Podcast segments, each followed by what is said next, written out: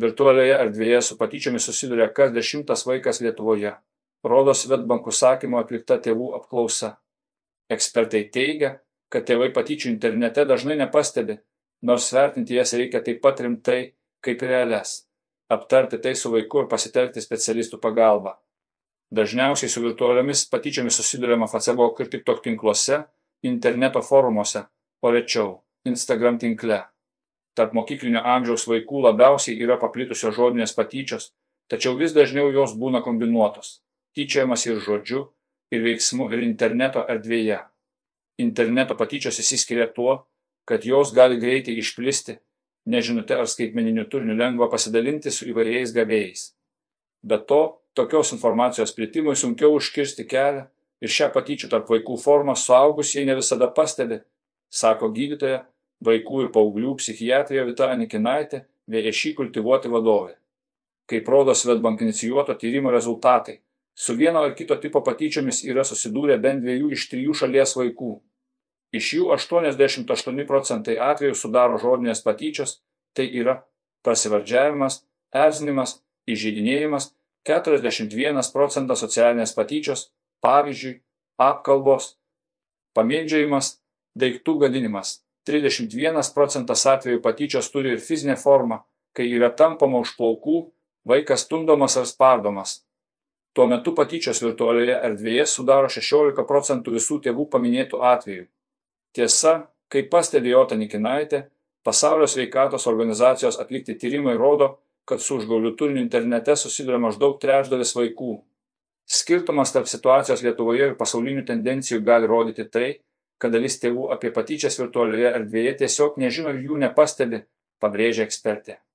Susidūrę arba įtardami, kad vaikas patiria patyčias, tėvai pirmiausia turėtų išklausyti vaiką. Stenkitės bendrauti be kritikos ir kaltinimų, vaikui svarbu jaustis išgirstam ir primtam, o sprendimus, ką daryti, priimkite vėliau.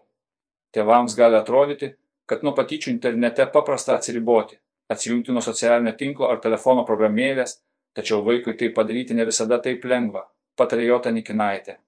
Pasak specialistės reikia nebijoti kalbėti apie patyčią su specialistais. Tai yra pedagogais psichologais ar psichiatrais.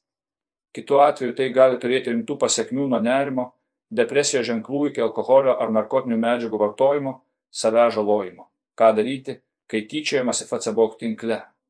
Kaip rodo tėvų apklausa dažniausiai apie šešiasdešimt penki procentai iš visų patyčių internete vaikai susiduria facebook socialiniame tinkle. Tokių patyčių pavyzdžiai žeidžiančios žinutės pasivardžiavimai fotografijos memai karikatūros įžeidžiančio turinio vaizdai kuriuose patyčių auka gali būti vaizduojama ar apibūdinama kompromituojančia forma ir panašiai.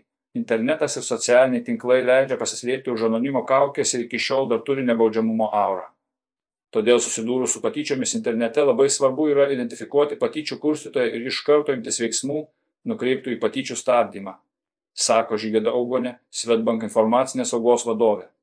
Pasak ž augonės susidūrus su tokio tipo patyčiomis pirmiausia reikia blokuoti patyčias inicijuojantį profilį kad nebebūtų traumuojamas vaikas ir būtinai išsaugoti visus patyčių įrodymus pasidaryti elektroninių laiškų žinučių nuotraukų ir kitų faktų ekrano nuotraukas ir išsisaugoti jų kopijas. Tokiu atveju bus galima pateikti įrodymus mokyklos pedagogams jei patyčios susijusios su mokykla patyčių kurstytojų tėvams ar prireikus atitinkamoms valstybės institucijoms. Dėmesys vaikų edukacijai skaitmeninėje erdvėje. Svetbank informacinės saugos vadovė teigia, kad tėvai turėtų pasirūpinti, kaip savo vaikus mokyti saugiai elgtis socialiniuose tinkluose ir reaguoti į bet kokius patyčių atvejus. Juo labiau kad internetinės patyčios kartais įgyja subtilesnes formas kurios gali susilaukti didelio bendruomenės įsitraukimo. Paaiškinkite vaikams kaip keisti savo vartotojo profilio saugumo nustatymus sukurti atskiras draugų ir pažįstamų grupes riboti turinio matomumą blokuoti nepageidaujamus asmenis pastebėti bei pranešti apie kitų nederamą elgesį socialinio tinklo administratoriams, teigia Žiaugonė.